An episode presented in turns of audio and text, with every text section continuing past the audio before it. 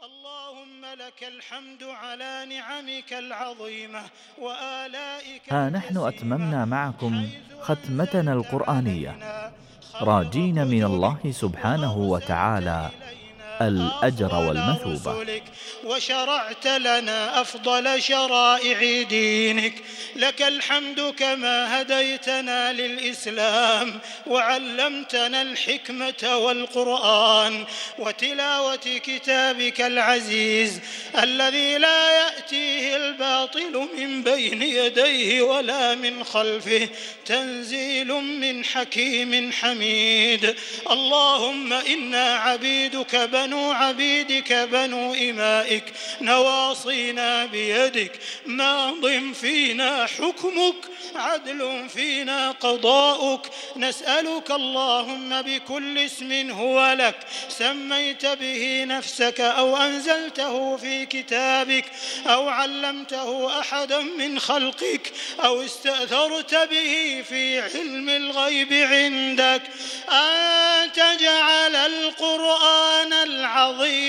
ربيع قلوبنا ونور صدورنا وجلاء أحزاننا وذهاب همومنا وغمومنا وسابقنا ودليلنا إليك وإلى رضوانك وجناتك جنات النعيم اللهم ذكرنا منه ما نسينا وعلمنا منه ما جهلنا وارزقنا تلاوته آناء الليل وأطراف النهار على الوجه الذي يرضيك عنا.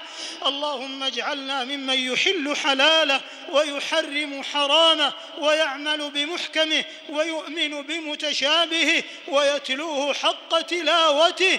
اللهم اجعلنا من أهل القرآن الذين هم أهلك وخاصتك يا ذا الجلال والإكرام. اللهم اجعلنا ممن يقال له اقرأ وارق ورتل كما كنت ترتل في الدنيا فإن منزلتك عند آخر آية تقرأها. اللهم ألبسنا به الحلل وأسكنا به الظلل وادفع به عنا النقم يا ذا الجلال والإكرام واجعلنا به عند الجزاء من الفائزين وعند النعماء من الشاكرين وعند البلاء من الصابرين ولا تجعلنا ممن استهوته الشياطين فشغلته بالدنيا عن الدين فأصبح من النادمين وفي الآخرة من الخاسرين. اللهم انفعنا وارفعنا بالقرآن العظيم.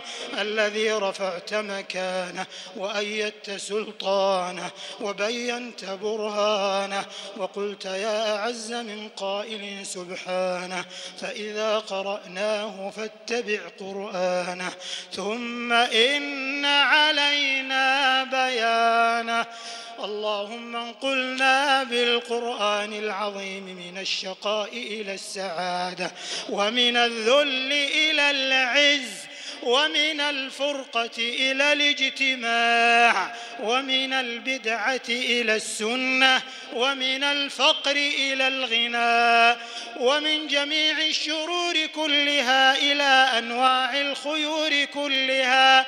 يا ذا الجلال والإكرام يا رب العالمين.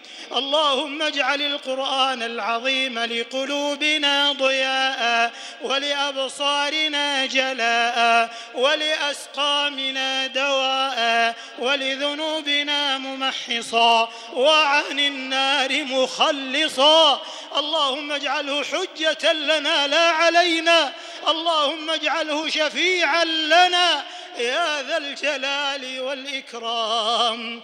اللهم صل على محمد وعلى آل محمد كما صليت على إبراهيم وعلى آل إبراهيم إنك حميد مجيد.